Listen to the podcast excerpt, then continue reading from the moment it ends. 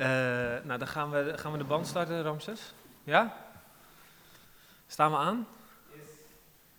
Eh, eh, welkom in Frascati 3. Eh, en welkom luisteraars. Dit is het inmiddels vijfde gesprek in een, een serie gesprekken tijdens het driedaagse programma Endings in, in Frascati. En Endings is een programma over vergankelijkheid, ouder worden, terugblikken, afscheid nemen.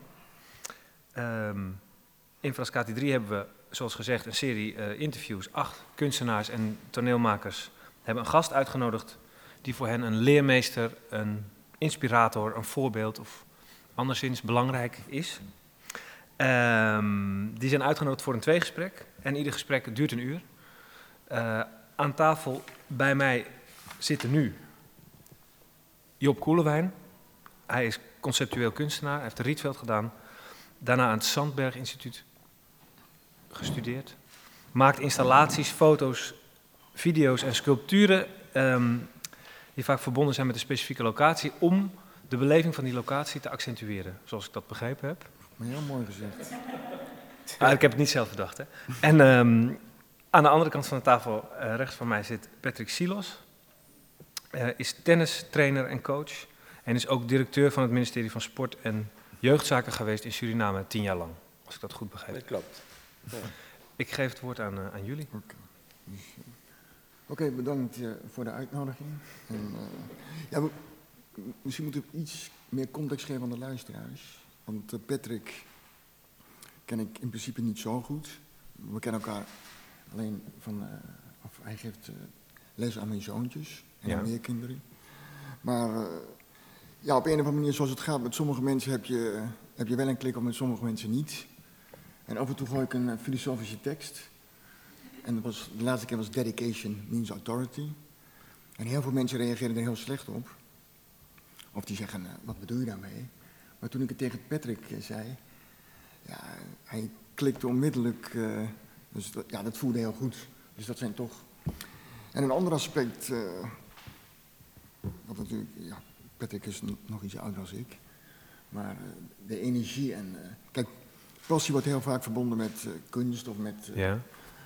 maar eh, ja, niet alleen ik, maar heel veel ouders om, om je kinderen bij Patrick achter te laten. Het is een beetje gek om dat di- Maar het is eigenlijk een fantastisch gevoel. Dus de energie. Ja, we zitten hier niet tegenover een man die zijn leven aan het aftellen is. En dat, ja, dat is alleen al zo bijzonder. Ja. Want ja, laatst had ik een ontmoeting met een aantal vrienden van mijn leeftijd. Die zijn 20 dan 20, 25 jaar advocaat. En die zijn aan het afbouwen. Die zijn bezig met een huisje in, in Spanje. En dat klonk heel erg van. eh, ja, als kunstenaar werk je niet zo. Nee, nee, zeker niet. Dus dat is een beetje de, de context voor de, voor, voor de luisteraar. En ik ben ook, Heel goed. Want ik wist nog niet dat hij tien jaar. eh, ik had hem inmiddels begrepen dat hij eh, een functie had ge- gespeeld in Suriname. Maar daar hebben we het eigenlijk nooit over gehad. Nee, nee, nee. Dat is ook heel lang geleden. Nou goed, maar dat is, dat is toch een onderdeel van je leven geweest. Absoluut, Die, zeker. die je gevormd heeft. Ja. Hoe lang geleden is dat? Eh, even kijken, dat is, dat is eh, we zitten nu in 16. Ehm, even kijken, 10, 26 jaar geleden. Ah, Oké. ja. Toen, ei- Dat het toen- toen eindigde. eindigde het. Ja, Van Toen 80 tot eindigde het, 90. Ja, ja, ja. ja. Maar tien jaar, tien jaar is toch een substantiële tijd. En, eh, dat, Behoorlijk, En je, ja. hebt, je had verantwoordelijkheid. ja. Hoe, hoe heb je dat ervaren dan? Nou ja, het is eigenlijk zo. ehm, het gebeurde door die coup in Suriname. Door de coup van de sergeanten. Maar die sergeanten en ik zijn even oud en we hebben dezelfde jeugd en we kennen elkaar. Dus toen die coup, eh, toen die coup gebeurd was, toen ehm, hebben ze mij, ik, ik was leraar lichamelijke opvoeding, dat ben ik eigenlijk. En ik heb een aantal jaren aan- de VU gestudeerd. Hebben ze gezegd, hé hey jongens, we willen een nieuw ministerie van sport. Eh, kun je helpen? En het waren mijn vrienden. Ja, dus, Dus zo ben ik gaan helpen. En ehm, was ik eerst zat ik in een commissie, omdat eh, een, een, een van Lieverlee rol je daarin. Zo is het gekomen. Maar, maar heb je dan die hele structuur opgezet? Of, eh, ja, met andere mensen samen, ja. Dus het hele ministerie van nul tot, eh, tot een ministerie, ja. Oké, oké. Nou ja, dus, dus toch, toch. En, en in die- tien jaar, hoe, en waarom is dat afgelopen dan, na tien jaar? Nou, eh, ja, het is natuurlijk, het zit in het hele controversiële verhaal Ja, van- van de revolutie van Suriname. Eh, eh, met onder andere de moorden. Eh, maar ik, ik zat daarbij. Ik was ambtenaar, ja. begrijp je. Dus ehm, ik ben daarin blijven werken. Ik ben daarna op het, aan het eind van die tien jaar ben ik ook nog parlementslid geweest voor de overgangssituatie naar de nieuwe verkiezingen. En eh, ik ben ook nog eh, schrijf, medeschrijver van de nieuwe grondwet van Suriname. Oh ja, zeker. ik heb eh, een heleboel reisjes mogen maken naar andere landen ook om grondwetten te bestuderen.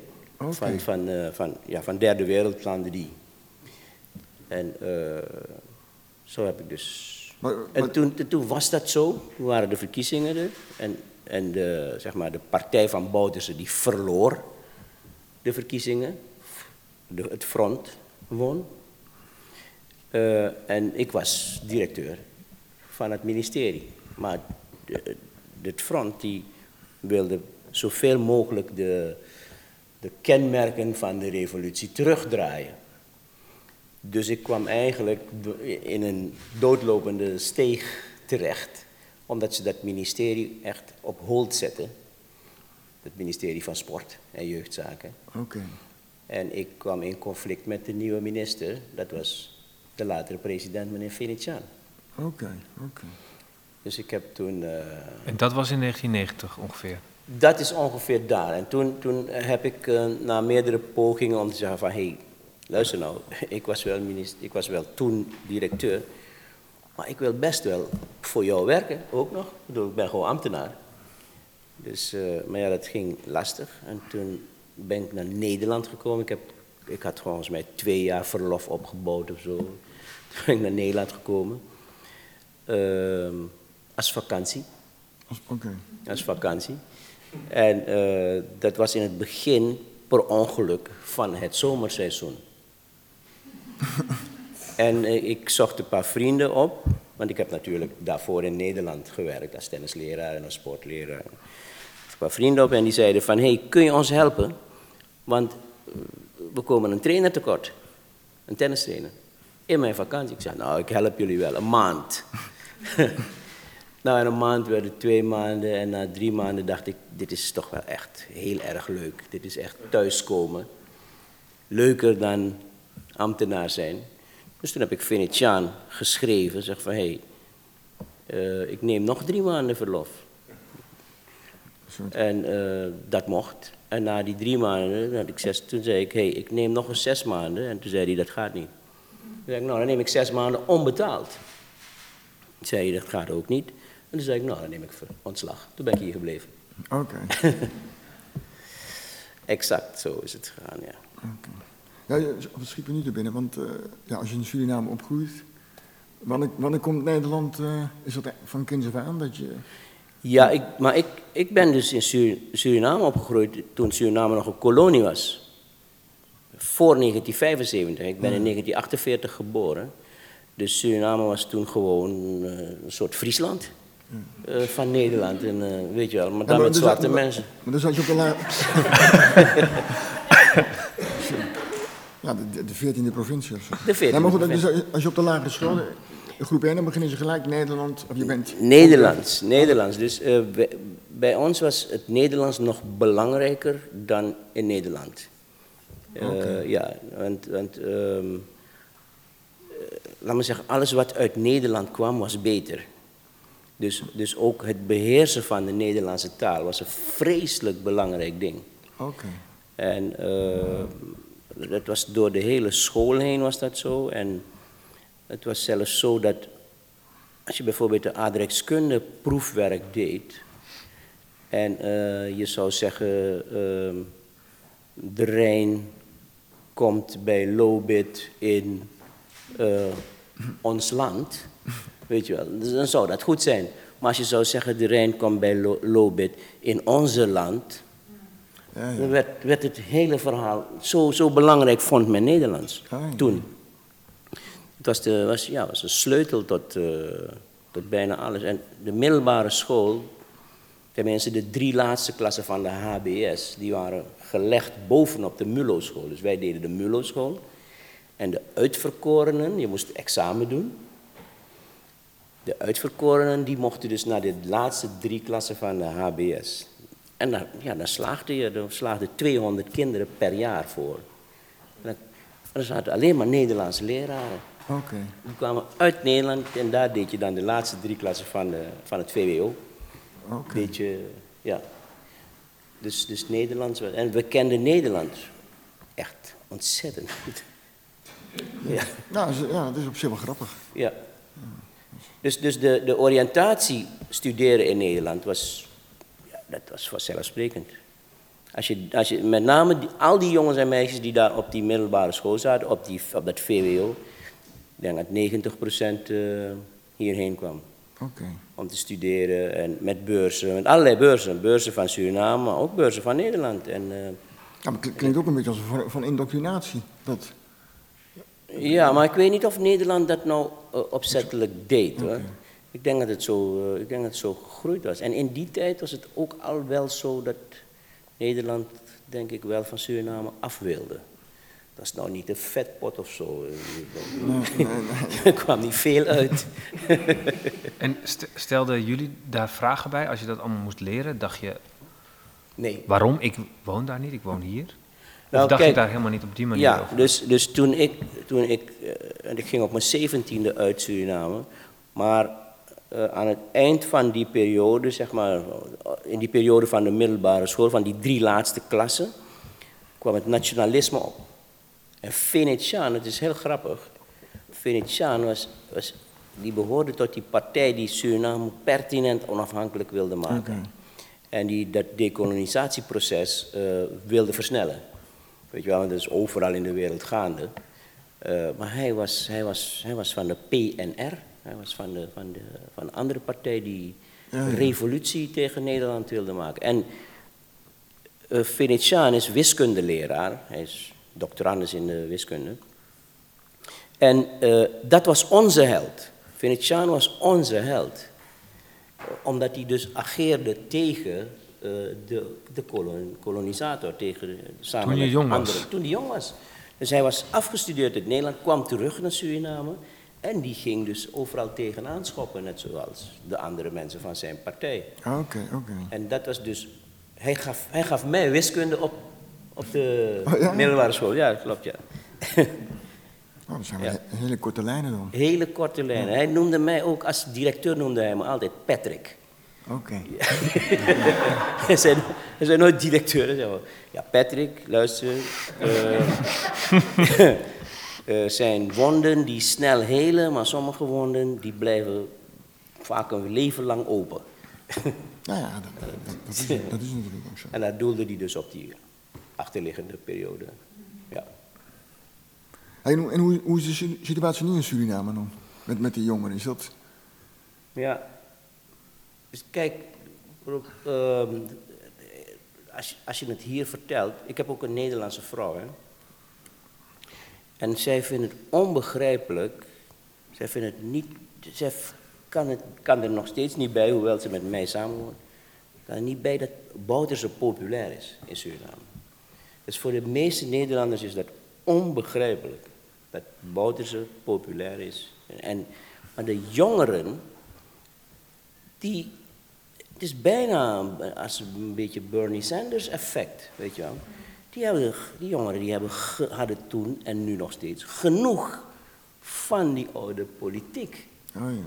En, en, en Bouterse kan hun taal spreken. Weet je wel. Eén. Twee. In die periode dat hij, eh, zeg maar, dat Suriname nog een beetje, of een beetje, een dictatuur was, heeft hij een aantal dingen voor de armste mensen gedaan. Hij heeft gewoon het pensioen verdubbeld van die armste mensen. Dus die mensen, die zijn ook helemaal pro-Bouterse. En dat, Maar was er geld voor dan? dat is toch niet belangrijk? Moet, dat moet betaald worden, Nee, toch? dat is, maar dat is de Nederlandse reactie. Begrijp je? Maar Bouterse heeft, hij, hij heeft alvast dat gedaan. En Bouterse komt uit een hele arme familie. Weet je wel. En zijn vader en moeder, die, die waren ook van die mensen met dat pensioentje waar je niet van rond kon komen. Dus, die, eh, die- die- ja. dus hij, hij, de, de middenklasse en zeg maar de, de rijkere in Suriname, die zijn niet pro-Bouterse, maar de jeugd en de, en de mensen die het slecht hebben. Dat is een groot deel van Suriname. Ja, die, die, ja, die zijn pro-Bouterse. En, maar ik geloof dat de afgelopen twee jaar ehm, het, het, het niet meer zo goed gaat. Dus die Surinaamse economie is eh, heel erg gekoppeld aan de Braziliaanse. En doordat die nu slechter gaat, gaat het ook slechter in Suriname. En een aantal verwachtingen zijn niet uitgekomen, als ik het goed heb. En een van die verwachtingen was dat er hele grote exploraties gedaan zouden worden in de, in de kust van Suriname voor olie. Want het blijkt dus dat we echt een olieland zouden kunnen zijn. Maar de grote oliemaatschappijen, die, die, eh, die zijn niet meer zo happig. Hmm. Die, weet je wel, die willen richting alternatieve Energie, bronnen. eh, dus, dus ze zien Suriname niet meer als een, eh, als een belangrijk object om in te investeren. En dat heeft volgens mij de boel verergerd. Op dit moment gaat het weer slecht. Ja. Economisch weer slecht. Ja. Ja. ja. En doet dat iets met de populariteit van, van Bouterse Ik bijvoorbeeld? denk het wel. Ik, ja, ik, ik, denk, ik denk het wel. Ik, bedoel, eh, ik kan het niet, kan niet goed inschatten. Alleen het alternatief, dat is natuurlijk het probleem. Die, die, die jeugd vooral, die, ja, die zijn met Bouterse opgegroeid. Ja. En die, ja, die, zijn, die, die, die zijn bij hem. En hoe, hoe kijk jij dan naar Bouterse? Om, je, hebt, je vertelt, ik, eigenlijk was Venetiaan. Bouterse, De held? Bouterse is dus mijn vriend. Ik bedoel, hij is, net, hij is, hij is anderhalf jaar ouder dan ik. Ik, ik, heb, ik heb met hem gebasketbald en gevoetbald. En, eh, en, weet je wel. Net zoals met het gros van die mannen die de koep hebben gepleegd. Bovendien, het zijn sportleraren. Dus in die sportlerarenbusiness Cultuur. kwam ik ze elke dag tegen. Elke dag urenlang. eh, Ik bedoel, op zondag basketbalde ik met hem en met een paar van die jongens. Weet je, dus, dus de- voor mij is het altijd heel dubbel.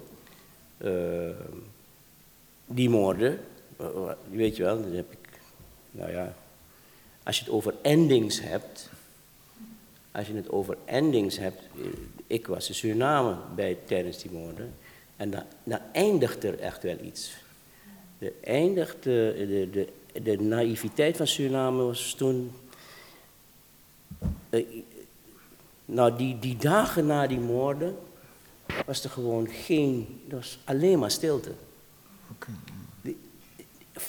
Iedereen die voor en iedereen die tegen was, die was volkomen platgeslagen.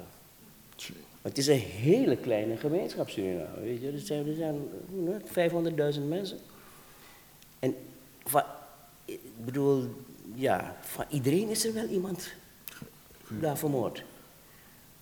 Weet je, dus, dus, dus, dus het, was, het was echt, nou, het was echt, eh, En heb je daar wel eens over gesproken met, met iemand als Bouterse of mensen in die ja, kringen?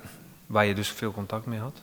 ja, tuurlijk. Op wat voor manier ging dat dan? Natuurlijk. Openlijk? Ik, bedoel, Of? ik, was, ik was directeur. Ik Ja, zat- precies. Ik zat dicht bij het vuur. Ja, maar, maar ging het daarover of was dat iets waar je niet over sprak? Eh, het, is er, het is er, we hebben het er zelf, we hebben het er zeker over gehad. Ehm, het verhaal moet je dan zo vertellen, tenminste van mijn, mijn, mijn kant van het verhaal. In 1982, in het begin van 1982, want die moorden zijn aan het eind van 1982 gepleegd. In het begin van 1982 waren er twee pogingen om de, de regering Bouterse omver te werpen. Met gewapende mensen die uit Frans-Guyana kwamen. Die, die die zijn vereideld. Met wapengeweld. Dus de sfeer in Suriname, dat er dus eh, eh, pogingen gedaan worden om de regering omver, die was, die was daar en die was ook niet verzonnen, die was, dat kon je gewoon meemaken. Ehm, dus toen dit gebeurde, was de verklaring voor mij, die dus gegeven werd, de officiële verklaring, die lui die die, die beraamden een, een volgende koep. Was volkomen plausibel in de situatie waar ik zat. Dat heb ik, eh, dat heb ik lang geloofd en waarschijnlijk ook willen geloven. Eh, Omdat je ook een verbondenheid had met die ik mensen had die een dat... verbondenheid. Het waren, het waren, het waren ik, ik, je, jullie zijn, dit is waarschijnlijk een van de weinige keren dat ik er zo in het openbaar over praat. Maar het is natuurlijk een, ehm, ja, het zijn mijn vrienden, ja, dat is moeilijk. weet je. En eh, eh, dus ik, ik, heb dat, ik heb dat zeker eh, geloofd, ook omdat ik meegemaakt heb, gewoon erbij gestaan dat die tanks door de straten van Suriname, van Paramaribo gingen en er een- weer een koep verijdeld werd. Dus ja, ik kon dat geloven. Ik kon dat geloven. Terwijl er voldoende dingen waren waarvan je dacht, ja. Maar als dat zo is, is dat dan nog wel waar? Ja, ja. Weet je wel. Oké, dus dat is, ja. Maar dat was een, ehm, dat was een ending, ook voor, ook voor, voor iedereen, voor mij.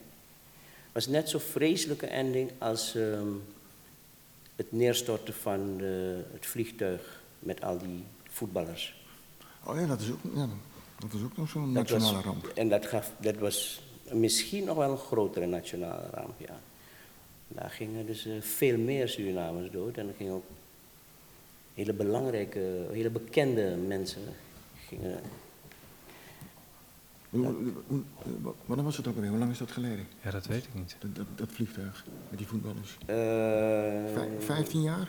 Nee, heel, Nee, veel langer. nee, veel langer, veel langer. Heel langer. Nee, Langer dan dat 15 is- jaar? Ja, dat Ja. is, dat is ik, ik denk dat dat ongeveer 1985 gebeurd is. 85, 86. Oh, oh ja, dat, is een, dat is een stuk langer. Ja, ja. ja. ja. Ik moet opeens denken ook natuurlijk aan die Surinaamse voetballers. Want die hadden natuurlijk een enorme... Nee, maar ook, Ja. ja. los van de, niet, niet degene die overleden zijn, maar mensen als Gullit en Ja. Rijkaard.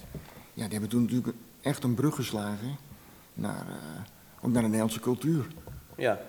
En hoe, hoe- want dat, dat moet een absolute helder geweest zijn, dan in Suriname. Nog steeds. Je, je, En eh, Zeedorf? Ruud, Ruud, Gullit, Ruud Gullit minder dan Zeedorf. Eh Zeedorf en ehm, hoe heet die kleine met die rasta? David? David. Dat, dat, zijn de, dat zijn de echte helden, maar vooral... Waarom? Die, die doen dingen in Suriname. Ja, Zeedorf doet heel veel, hè? Zeedorf doet heel veel, maar Davids ook. Davids ook? Minder, minder materieel, maar veel ondersteuning. En, eh, en, eh, ja. maar, ehm, en Stanley Menzo, ook belangrijk. Ja, Stanley Menzo is ook altijd bezig om de, de Surinaamse voetbalbond eh, met van, alle, van alles te helpen en, eh, en, en te ondersteunen. Maar Zeedorf heeft dat, eh, dat eh, trainingscentrum, Ja, ja. Trainingscentrum eh, en, en talentenontwikkelingsacademie heeft hij gestart in Suriname. Ja. Ja, Zeedorf is wel de grote man, ja. Oké. ja, ja. En Belangrijker dan die, dan die mannen, zeg maar, die 15 jaar eerder. Dus wa- wat je zegt, Gullit en Rijkaard, die waren misschien de eerste echt hele grote voetballers. Ja, Die op wereldniveau, dat waren de beste spelers die, die Nederland had. En dat waren Surinamers. ja. en die waren, die waren in Suriname heel groot, Ja. zeker. Eh, maar, ehm, kijk, Gullit bijvoorbeeld, die, ja, die heeft wel een Surinaamse vader en die, die woont volgens mij nog in Suriname, of die is later teruggegaan. Een Nederlandse moeder, of een Duitse moeder geloof ik, weet niet precies. Ehm, Ja. Maar hun, hun verbinding met, eh, met Suriname is niet groot. Ze spreken die taal bijvoorbeeld niet. Misschien Rijkaard wel, maar eh, spreekt- kan Surinaams. Maar, maar Zeedorf en Davids, ja, die, die, die, die spreken gewoon eh, goed Surinaams, ja. Maar die Gullit is eigenlijk niet een echte Surinaam. Nee? jawel, jawel, jawel. nou, je mag alles zeggen hoor. Van mij mag je alles zeggen. Ja, misschien, misschien Misschien luistert hij mee. Ja, misschien. Ja, maar eh, het, het, of het viel me niet op, maar eh, want, jij hebt een blanke vrouw, maar ik heb een, ja, we zijn niet aan exen. Maar, eh, maar zat er nog een ideologie achter? Of, eh, Of, of blank beter is dan zwart. ja, nou ja, voor mij, ik denk dat het voor mij eh, toch een- ook een esthetische reden was. Ik had er wel heel, ik had er wel he- heroïsche gevoelens over. Maar misschien was het gewoon esthetisch. Maar voor mij, maar, maar ik had eigenlijk toch, ja, toen ik, toen ik voor het eerst een, een donker meisje zag, Ja. of, of Want jij Ja, hebt een donkere vrouw, of had een donkere vrouw. Ja, ik heb, ik heb drie vriendinnen gehad. En ja, meer die zit hier nu. Zijn maar, maar ik heb altijd donkere vriendinnen gehad. nee, maar, eh, Ze zit Ja. een beetje verstopt, maar... nee, maar het is... Ja, eh, toen, ik, toen ik in Spakenburg voor het eerst terug met een donkere vriendin thuis kwam... Toen waren heel veel eh, tantes... Ja, die begonnen tegen mij toch van... Ja, dat, dat, dat moet je niet doen. Dat, nee, dat was echt Ja. heel... ja, nou, bijna een vorm van racisme. Ja, ja. Misschien was het ook een vorm van eh recalcitrant zijn. ja. Maar, Ja. maar Van jou. Nee, want het, is- het was niet recalcitrant, want het is altijd zo gebleven. Dus ik heb, Ja. ik heb ook twee kinderen, die zijn halfbloedjes. Dus. Maar goed, ik, toen, toen, we hebben vijf jaar in Amerika gezeten. En, en daar begon ik, eh, na twee jaar kwam ik tot ontdekking dat ik blank was. Dat wist Ja. ik natuurlijk wel. Ja, ja. Maar ik kwam tot ontdekking dat ik blank was. Ja, dat is echt een groot voordeel. Hoe Ja, hoezo? Nou ja, waarbij je, eh, we wonen dan, bedoel, in Amerika is dat een groot voordeel. als je blank bent. Ja. ja. Kijk, in, in, in Nederland, ja, maar daar, eh, als je daar zwart bent, is echt nog wel een groot verschil. Nee, per se. Ja, ja, ja. ja. Nee, maar Ja, ik, heb, ik eh, ik heb helemaal geen voorkeur. Ik, eh, want ik, eh, Ja, maar ja, ja, ja, je, ook, je had ook gezegd, ik ben een Surinaamse vriendin. nee, ik heb, ik heb ook ik heb, eh, drie Surinaamse vrouwen gehad voor deze Hollandse vrouw. Oké. Ja, het is eigenlijk ook, het is ook wel praktisch in het land waar je bent. Ja, Nee, maar dat is... eh, ja, ja. Zeker, ja. Dat is, ja, het ne- netwerken. ja, als je ouder... Ik heb nu een Spaanse assistent, hè, of een paar jaar, maar nu ze een Nederlandse vriend heeft, ja, dat is echt veel beter. Ja, maar ja, dat, het is... Nee, dat is, het is ook pragmatisch, maar eh, ze, ze is veel meer geaard. Ja. Ik weet niet waar, waarom er zo om gelachen wordt. Nou, ik moet, het, is, Het zijn is toch wel- dingen, maar maar dat is, is heel pragmatisch, toch? Ja, maar het is wel, het is wel zo dat, ehm, eh, dat over endings gesproken, hè, dat een deel van ehm, wat, je, wat je van huis uit gewend bent, hè, wat je- wat je van huis uit lekker vindt, noem het even eten, dingen, ja, dat, eh, dat eindigt ook. Als je een Hollandse vrouw hebt. Dus, dus eh, ja, laat maar zeggen. Want dat, dat, dat vond ik, een, dat vond ik een, in de Nederlandse keuken is toch een verschraling. Ja, Want ik weet nog heel goed, wij waren een keer bij mijn zus en het was rond half zes. En toen begon ze zo te kijken van, eh, ja, we, we hebben geen rekening gehouden met de aardappels. En, eh, ja, ja, in, Su- in, in Suriname, met de Molukken is het natuurlijk verschrikkelijk. Want ja, dat, vraag je niet. ja. Maar dat was Nou, echt een grote Dit is, cultuurverschil. zo- dit is echt heel concreet. Hè? Dus toen ik, zeg maar, toen ik pas met haar ging samenwonen. En zij heeft twee kinderen, zeg maar, voordat ze met mij eh, omging. En eh, dan kwamen, die, kwamen de vriendinnetjes en vriendjes, die kwamen thuis. En eh, dan was het zes uur. En dan maakte ik echt mee. en We hebben het er pas nog over gehad. Echt pas nog.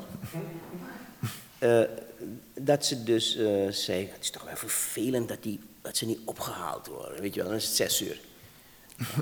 Die lui die houden nergens rekening mee, weet je wel. en dan, en dan eh, nou ja, ja, die aardappels stonden op en, en dan zeiden, zeiden ze gewoon, die kinderen van haar ook, die zeiden, ja, we doen wel even de televisie voor je aan. Weet je wel. Ja. En dan gingen wij eten en, en ik zat echt met zulke grote ogen. Ik zei, waarom komt zij niet mee eten?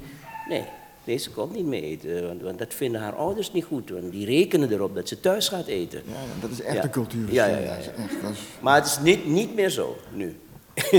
nou goed, ik ben ook nog... nee, ik bedoel, bij ons niet meer zo. nee, nee.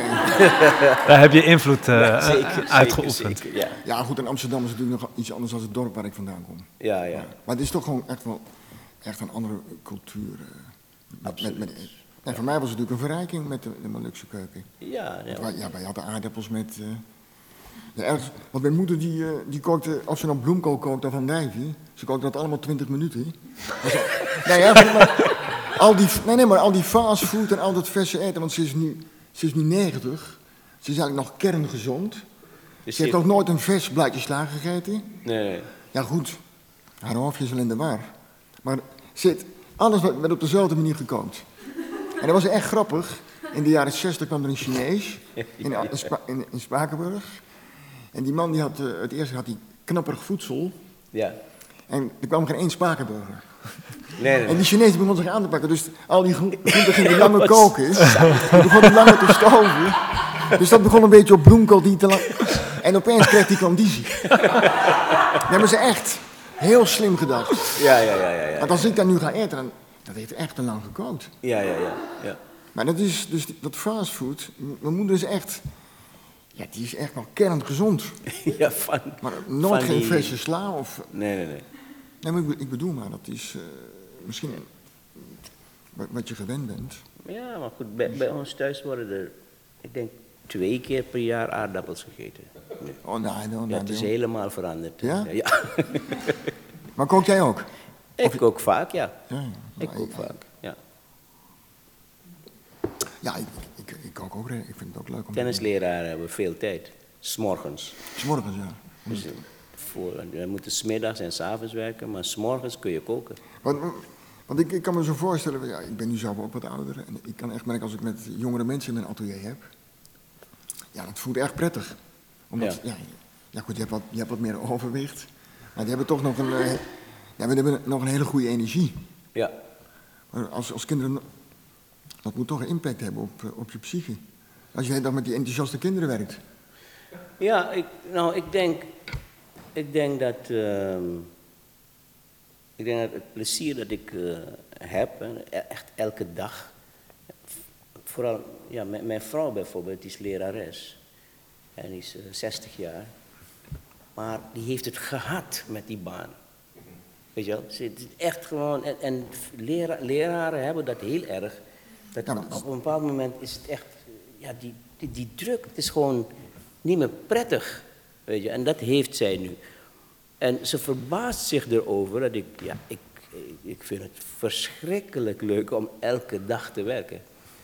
Weet je wel? En, en niet alleen maar op de tennisbaan, maar ook gewoon dingetjes uit te zoeken op de, op de computer voor, eh, voor wat ik straks eh, ga doen. Dus ehm, dat heeft, het heeft met die kinderen te maken, omdat je, maar het heeft ook te maken met het feit dat ik die, de ambitie heb om, eh, om, nog, ja, om, om nog een paar kinderen heel goed te leren tennissen. En dat is, dat is het plezier. Ook omdat het lukt. En wat, wat is die ambitie dan? Waarom, waarom, of waarom heb je die nog? Of wat, heb je die net zoals vroeger of sterker?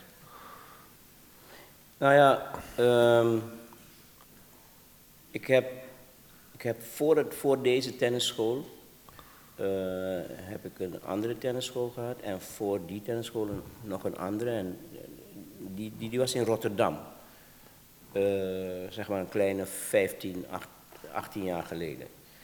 En, en daarin had ik dus de, ook al de ambitie om eh, te kijken of ik in staat was om, eh, om een toptennisser, minimaal één toptennisser, een echte toptennisser, Op te leiden. Op te leiden. En dat ging eigenlijk heel goed. Ik had al twee meisjes die, die speelden al op de tour, en zoals dat heet. Die waren nog niet in de, in de top, maar die speelden al internationaal. Die waren al duizend van de wereld, noem het even zo. Eh, en, en daar kwam een eind aan door een conflict met de nieuwe, het tennispark werd verkocht. En er kwam een nieuwe eigenaar, uh, raakte in conflict. En toen heb ik me laten uitkopen, ben ik weggegaan. Want ik, was, ik had toen al een tweede tennisschool in Amsterdam. Dus die ambitie, de ambitie om, om te kijken of je het kunt, weet je wel, die ambitie die, die, die is er. En die, die wordt, naarmate ik ouder word, word, die, word ik fanatieker. Omdat het toch moet kunnen. Want het moet gebeuren. Ik ga het doen. Ja, de vorige keer toen, toen, we, toen we het over Zacharias hadden, Ja. dan zei je echt iets interessants over tennis. Dat het, dat het g- het bestaat bij de gratie van het, van het verliezen. Ja, Dat is jouw zoon.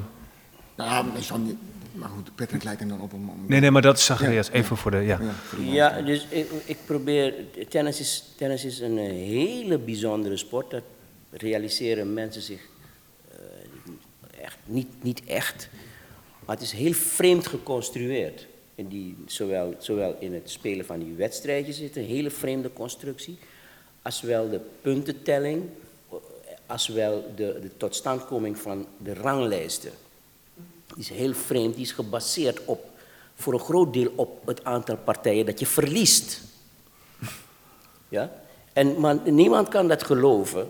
Maar als je bijvoorbeeld, als je bijvoorbeeld eh, eh, in, een, in, een, in een groot toernooi in de eerste ronde verliest, Ja. ja, krijg je er punten bij voor de ranglijst. Bovendien, als je in een Grand Slam in de eerste ronde verliest, ga je met 10.000 euro naar huis.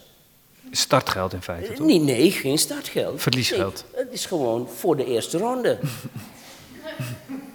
Begrijp je? Dus, dus iemand die, die al maar tweede en derde rondes verliest, die heeft aan het eind van het jaar een miljoen.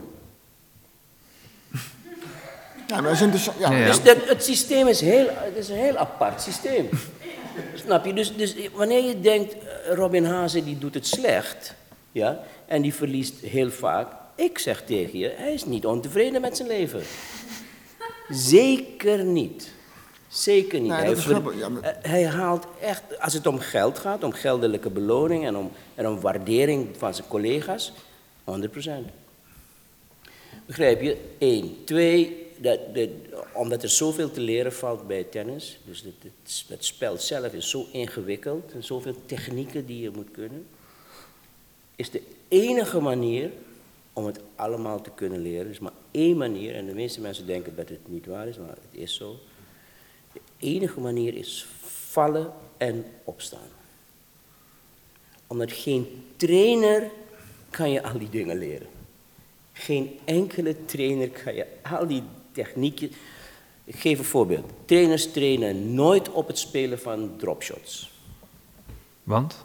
Nee, nooit. Dat Er doe je niet. er wordt niet nee, je traint er niet op omdat je gewoon, zeg maar, het is een riskante bal. Dus waar je op traint is, hoe verdien ik het punt met gewoon van die, van die, van die Mhm. zeg maar, degelijke ballen. Ja. Maar de dropshot is zo belangrijk. Er wordt zo verschrikkelijk veel punten gescoord met de dropshot. Dat, dat, dat, dat het vreemd is dat het niet. In geen enkel coachesboek staat de dropshot als een basisbal. Maar het moet wel. Weet je wel? Mhm. Nog een ander voorbeeld. In tennis kan je dus minder punten winnen dan de tegenstander. Dus als stel je voor dat er in Ja. een wedstrijd 100 punten Ja. zijn, En toch winnen. dan kan jij dus gewoon 45 winnen Ja. en die andere man 55 en jij hebt de wedstrijd gewonnen. Ja. Ja, dat is heel vreemd. Ja. Dat is gek, ja. Ja. Weet je, dus ja. De, de- al dat soort dingen maken tennis tot een. eh, heel- ik, vorig jaar had Federer zijn duizendste wedstrijd als prof. Ja. Een duizendste. En ik ben toen gaan kijken hoeveel daarvan heeft hij gewonnen. En hoeveel verloren. Hij had er ongeveer 750 gewonnen en 250 verloren. 250 verloren wedstrijden heeft die man zes, zeven jaar lang de nummer één van de wereld laten zijn. Mhm. 250 verliespartijen. Oké. De nummer 50 van de wereld, ik bedoel, dat is echt een jongen, eh, de nummer 50 van de wereld, die had meer wedstrijden verloren dan gewonnen als prof.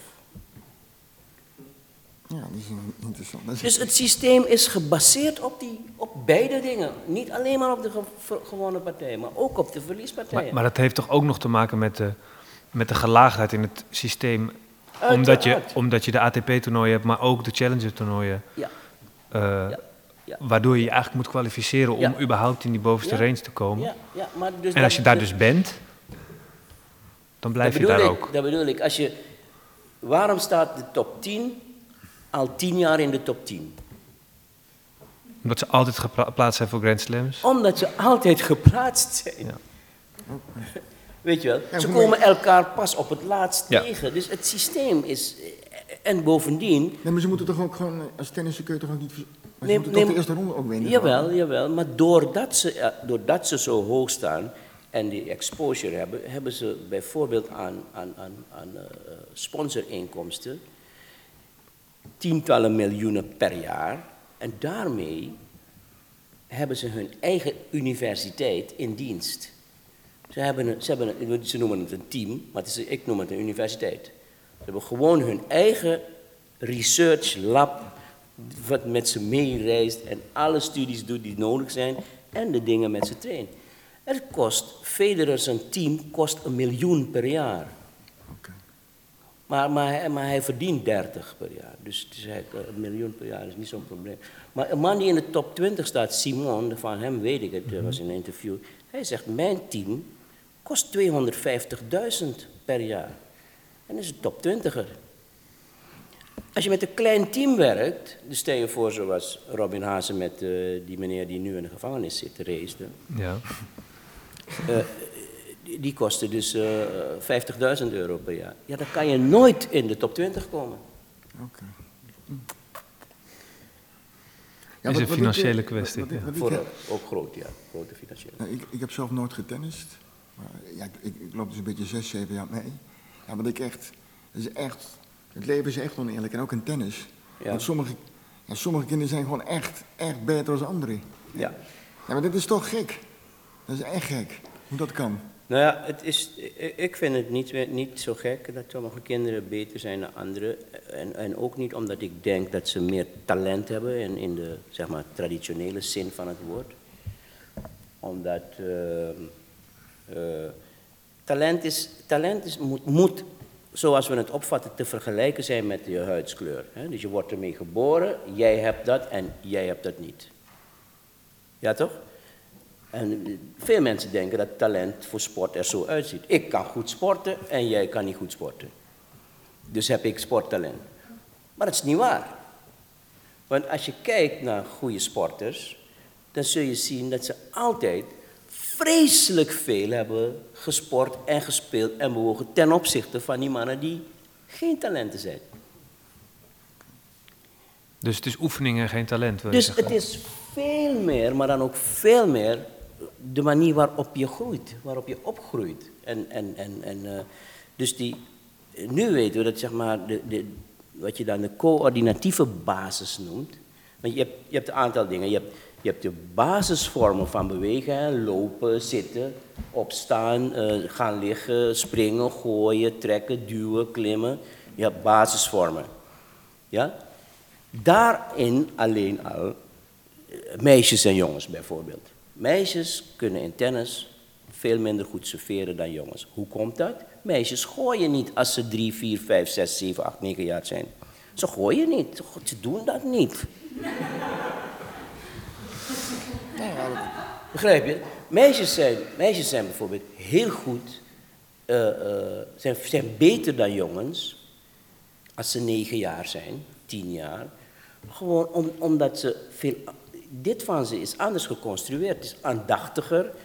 Het is, eh, het is, eh, ze, ze doen het graag voor de leraar. Weet je wel? Jongens zijn leraar. onrustiger. Jongens zijn ongeconcentreerd. Ze rennen maar van hot naar her en ze willen hard slaan. En me- meisjes zijn technisch altijd beter in het begin. Altijd. Weet je wel? Maar serveren is hun probleem, omdat ze, hier hebben ze geen basis voor, dat hebben ze niet gedaan, maar die jongens wel. Weet je, dus ik, ik, het, het, het talentverhaal ehm, is, is voor een deel waar, maar het is als volgt waar. Talent is niet vast te stellen aan het begin, maar aan het eind van die carrière. Hoeveel, re- hoeveel rek erin zat. Dan, dan kun je zeggen, hé, hey, dat was een getalenteerde persoon. Weet je wel, maar, maar aan het begin, en er gebeurt zo verschrikkelijk veel eh, met getalenteerde kinderen. Ehm, er is een onderzoek geweest, ehm, eh, ik denk vier jaar geleden. En daaruit bleek dat meer dan 60% van de Olympische gouden medaillewinnaars werden in de jeugd niet echt als talent bestempeld. Dat lijkt weer over een mentale kwestie te gaan dus. Begrijp Mensen die hebben moeten vechten. Nee, maar waarschijnlijk is talent veel mentaler dan we denken. Wij denken vaak aan kunnen slaan of kunnen, kunnen voetballen. Maar talent is waarschijnlijk een men- veel mentaler ding. Eh, ik, heb, ik heb, een, eh, ik heb een, eh, een, een workshop gevolgd van een, een of andere Du- Duitse professor over hoogbegaafdheid in de sport. En die zei, talent moet je definiëren als unlimited love for what you are doing. Dat is, dat is waarschijnlijk de beste manier, want dan, dan pak je alles. Weet je wel, als, je ziet dat een kind ehm, de hele tijd, zo'n jongen die de hele tijd thuis aan het voetballen is, ballen schoppen in de woonkamer, weet je wel. En, eh, ja, ja, dat is talent. Maar eh, dat is niet per se dat hij direct beter is dan die jongetjes buiten. Maar, maar, maar, maar hier is het zo geconstrueerd dat hij, hij kan het eindeloos doen. Ver, het verveelt hem nooit. En, en dat, is een, dat, dat is waarschijnlijk veel meer het talent. Eh, weet je, je kan, vroeger heb ik, ik heb zelf ook wel de fout gemaakt dat we zeiden, oké, we gaan even naar deze tien kinderen kijken, we gaan een aantal testjes afnemen. Ze zijn allemaal negen jaar en dan zeggen oké, dat is het talent, want hij kan die testjes beter. Weet je wel. Op zijn negende. Nu weet ik, volkomen onzin. Ja, het is een indicatie, maar... Dus, weet je, het is een indicatie. Je kan beter gewoon die negen of die tien kinderen een, een maand lang, twee maanden lang, drie maanden lang volgen in wat ze door de dag doen. Ga je veel eerder ontdekken wie nou het talent is. Dan kijken wie die bal harder schopt of beter eh, dingen kan of zo. Ja. Ik wil een vraag stellen over dat wat er op tafel ligt, wat jij op tafel hebt gelegd. Want we zijn al eh, op driekwart van het gesprek. En ik vraag me nu zo langzamerhand af Wat, je op tafel hebt gelegd, Ja, waar het eh, over gaat, waarom je dat hebt meegenomen. Mark eh, belde mij over, over vergankelijkheid en Mhm. endings. En eh, ja, dit is maar een uurtje. Ja, Maar eh, die, de thematiek eh, ja, is onderdeel van mijn leven. ja. En, eh, en ik, ik kan, eh, ik kan heel veel voorbeelden geven. Maar dit is een werk eh, in 96, toen wo- woonde ik in New York. En, eh, dus zat ik eigenlijk toch in een soort, eh, ja, misschien was ik wel eh, eh, had ik heimwee. En ik kon eigenlijk helemaal geen werk maken. Dus heb ik als een soort, eh, heb ik vijf, vijf van deze schetsboeken gekocht. ja. En daar ben ik eh, langzaam in gaan werken. En ik, eh, we zijn nu twintig jaar verder. En alle mooie maagdelijke bladzijden, die zijn nu besch eh, beschut in mijn gedachten. En dit is, eh, ik noem het eh, mijn neussnuitboeken. En, eh, Waarom? Een beetje... nou, kijk, als ik je gedacht, als, hier, hier schrijf ik onges, ongecensureerde gedachten op, filosofische gedachten, dingen over uit boeken. En, maar het is een heel erg goed om, als ik even denk, waar sta ik ook alweer, of waar ben ik, of hoe zat het ook alweer. Of... Kijk, een van de dingen als beeldend kunstenaar, wat, wat je zegt over verlies. Als je, al- als je alleen naar kijkt naar mijn, eh, in het opdrachtencircuit, ik heb er 32 keer meegedongen, het is maar vier keer gelukt. Ja. En al die andere keren ben ik afgewezen. Maar ik ben afgewezen omdat ik steeds. Ik had me nooit aangepast aan de opdracht. Maar ik had een autonoom werk gemaakt. En een van de problemen met kunst en openbare ruimte is. Dat is het democratisch bestel. Want ik maak zeg maar een radicaal werk. En dan komt de buurt. Die zegt ja, het moet een ander materiaal. Dan komt de ambtenaar die zegt het moet kleiner. Ja. is, dus voor je het weet heb je een gedrocht. ja. Nee, maar dat is. En dat wil je niet. Nou, en dan, dan, dan nemen ze een ander. Dus die paar werken die gelukt zijn, die, ja, daar staan niet heel, heel erg achter. Maar al die werken die gaan eigenlijk ook over vergankelijkheid. En dat gaat ook over het, eh, het verstrijken van de tijd. Eén voorbeeldje kan ik geven. Eh, vier jaar geleden, of vijf jaar geleden kwam Hetsberger. En toen werd het muziekcentrum Vredeburg.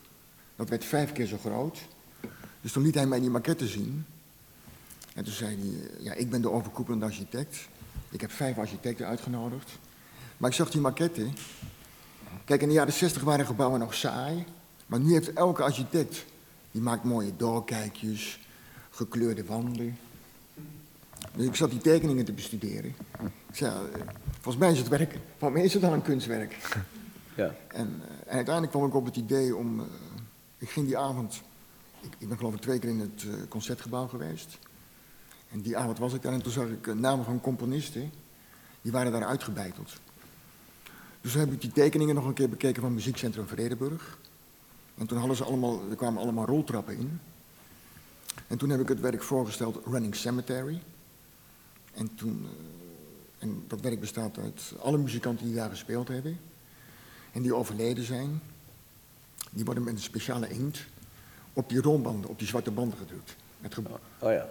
en het is eigenlijk een heel mooi werk, want het is bijna niks. Maar eh, het zijn acht roltrappen, dus iedereen gaat om dat werk heen. Ja, ja. En, en het is ook mooi, want die banden die gaan twaalf jaar mee. En eh, in kunst en openbaar ruimte is er heel veel geld. Dus we hebben nu minimaal geld om zes keer die banden te vervangen. Ja, ja, ja, ja, ja. En bijvoorbeeld in februari is Bowie overleden. En toen is die naam erbij gedrukt. Ja. Dus dat is eigenlijk een werk waarmee ik de tijd heb overstegen. En dat zit eigenlijk. eh, ik, ik heb een werk wat nu door China reist. Dan kun je zeggen, dat is een bioscoop waar je in kunt zitten. Ja, dat, dat ding heb ik gezien, ja. Ja, die doos, ja. En in, eh, en in die, die doos kijk je zeg maar naar de werkelijkheid. Ja, Maar dat werk dat gaat. eh, dus dat wordt steeds opnieuw opgebouwd. Maar je ziet altijd wat er nu gebeurt. En dat is. Als je denkt aan, aan de schilderkunst en aan de. Kijk, als ik nu een foto maak hier of buiten. Over twintig jaar denk je, hé, hey, toen hadden de mensen andere kleren aan. ja, ja. Dus als je daar goed over nadenkt, dan is een foto of een schilderij, vroeg of laat wordt het onderwerp, een herinnering aan een bepaalde tijd. En ik ben heel erg vanuit mijn, eh, eh, ja, ik bestuur eh, het Taoïsme heel erg en het Boeddhisme. En die vinden het allemaal projectie. Is een projectie in het verleden en een projectie in de toekomst. Als je daarvan losgezongen hebt, dan ervaar je alleen maar het nu. En in de bioscoop, dat is in 1998 gemaakt, en daar waren al die concepten, misschien als een tennisser, na tien jaar trainen, want ik had het allemaal bedacht. Maar iedereen die in de bioscoop zit, dus je hoeft geen eh, erkende kunstkenner te zijn, maar iedereen begint een beetje te lachen. En de werkelijkheid, want ik, je ziet zeg maar de werkelijkheid, ik bedenk er een soort muziek bij, en op een gegeven moment wordt de werkelijkheid wat hilarisch. Ja, ja. Want ja, we waren onlangs, vorig jaar stond hij in China. En dan keek hij uit op een winkelstraat. En toen kwam er een, een delivery boy.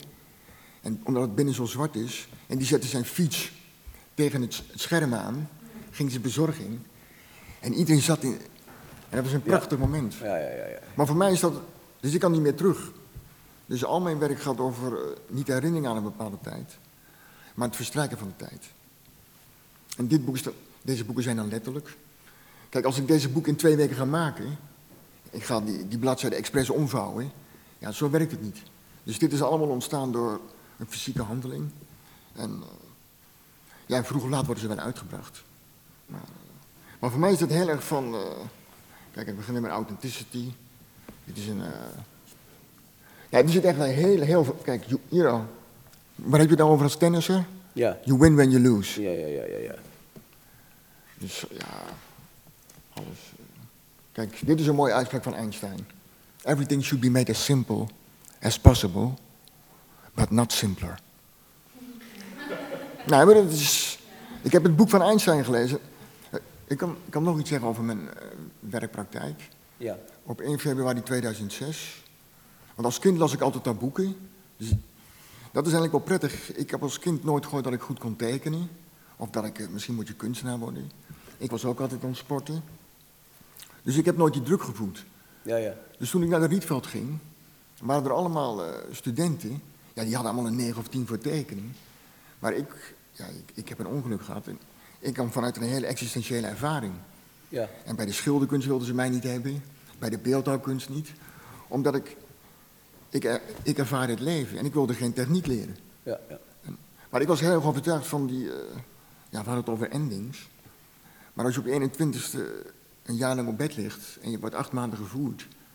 En de eerste keer dat je zelf een glas kunt vasthouden. Ja, dat is een, eh, ja, dat is een onvergetelijke ervaring. Ja, ja, ja. En dat is, ja, dat soort momenten geven me nog steeds energie. En het gekke is, toen ik weer terugkwam in de werkelijkheid, ik was natuurlijk verlamd en het heeft lang geduurd voordat ik dat geaccepteerde. Maar ik kwam in, terug in de werkelijkheid en ja, ik ervaarde hem zo intens. Terwijl de werkelijkheid niet veranderd was. Nee, nee, nee. Dus dat was. Maar het was toch. Ik had geen cursus gedaan of een boek gelezen. Het was een hele existentiële ervaring. En dat is eigenlijk. Dat is nog steeds de motor van mijn kunst. Ja, ja, ja. En de motor is de werkelijkheid. En. Ja, dat is. eh, Ja. ja, dat, eh, ik- ja, ik weet niet, maar. Ja, dit is. Ja, kijk, ik wil ook geen docent zijn. Maar af en toe geef ik dan. Ik geef heel vaak gastlessen. Kijk, ja, kijk, nobody can teach you art. Kijk, en niemand kan eh, een jongetje pas- kennis, hij moet die passie toch zelf voelen. Want dan gaat Ja. hij misschien echt die stap maken. Nou, ik, was, ik zat zo net op het bankje buiten met eh, jouw collega. Ja. En eh, dan spraken we even over, over, over, ja, over de tennissen, over, over onze manier van doen. En toen legde ik hem uit dat ik, eh, dat ik het al 50 jaar doe. Dat tennisles geven en training geven. En dat ik, ehm, eh, zeg maar, wat ik nu doe, is volkomen haaks op wat ik 30 jaar geleden deed. Dus, dus wat ik nu doe, dat, dat maakt dat wat je 30 jaar geleden deed volkomen belachelijk. Ja, maar dat, dat heb je misschien toch nodig gehad. Nee, je hebt het zeker, het is een leerschool, leerschool geweest, je, je hebt het allemaal gedaan. Maar het is zeker zo dat, ehm, eh, dat wij nu weten, en dat is niet alleen maar omdat ik het zo studeer of zo, maar gewoon omdat om me heen er zoveel onderzoek is geweest daarover, dat, ehm, dat mensen leren doordat je ze uitdaagt. Eh, mensen leren doordat ze, doordat ze mogen vallen en opstaan. Weet je wel? En, de meeste mensen denken bij, bij sporttrainers aan die persoon die precies zegt wat je moet doen. En die aangeeft, hé, hey, dit is fout. Maar dat is, dat is het kleinste gedeelte, weet je wel. Het is ook het minst effectieve deel. En het wordt het meest gedaan.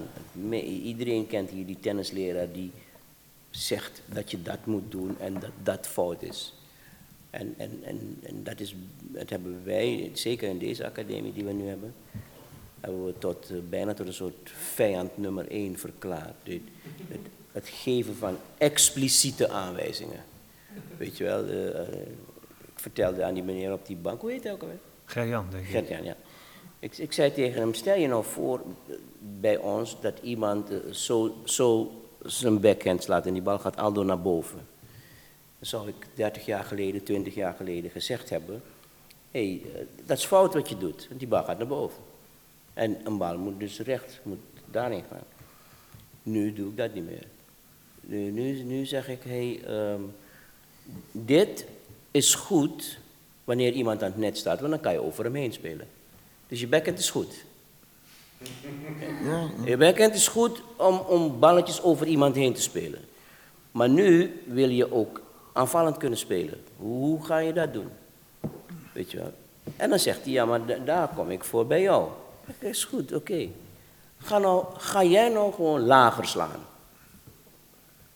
Vroeger zou ik zeggen hoe je lager moest slaan. En zou ik twintig aanwijzingen geven.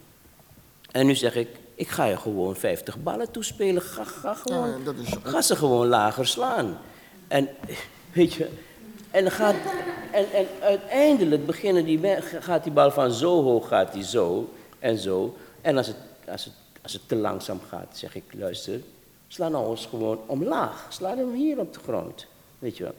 Waardoor die persoon ervaringen opdoet. En dat is, dat is de methode. De methode is ervaringen. En elke ervaring is belangrijk. Elke. En geen enkele ervaring is fout. Weet je, elke ervaring heeft als functie dat het op de duur leidt tot die manier waarop je het moet doen. Dus, dus ook de, er bestaan geen foute ervaringen, het zijn alleen maar ervaringen die ergens toe leiden. ja de, de Taoïsten zeggen, eh, eh, een goede leraar kan onderwijzen door niet te onderwijzen. Ja. Maar zo klinkt het een beetje. Maar dat is belangrijk, want, Ja. want als je gaat onderwijzen, dan, dan voelen die kinderen druk. Ja. En dan, gaan, dan worden ze dogmatisch. Nou, Ja, je, doet, hele- je doet dus- wel natuurlijk af en toe iets zeggen, maar het meeste is proberen. Ja, je moet die energie, die, eigenlijk moet je energie genereren bij die kinderen. Ja. Ja, Dat ja. is, eh, Ik, eh, ik moet zeggen dat het uur eh, om is. Dat vind ik een beetje jammer. Maar eh, ja, Hey, dat ik, is zal het. nog, ik zal nog, er is, eh, want Ik neem nog een wijntje. Ja, dat moet je zeker doen. in de Je hebt lang gewacht daarmee. Er is een prachtig gedicht over vergankelijkheid. En dat is van uh, Rogeman. Ja. En, dat is, en daar wordt het prachtig verbeeld. En dat gaat ongeveer als volgt. Waar het op aankomt. Waar het op aankomt is datgene wat je verzwijgt. Als alles al gezegd is. Is datgene wat er van je overblijft. Als je er, al, als je er altijd nog bent. Zoals ook ik er niet meer ben. Wanneer je niets meer tot me zegt. Of wanneer je mijn naam niet meer noemt. Zoals ik zwijg in wat ik herken. Zo is het. De stilte van je woorden. De klanken van je zwijgen. Daar gaat het om. Om niets anders. Geloof me. Geloof me op mijn woord. Mooi. Dank jullie wel.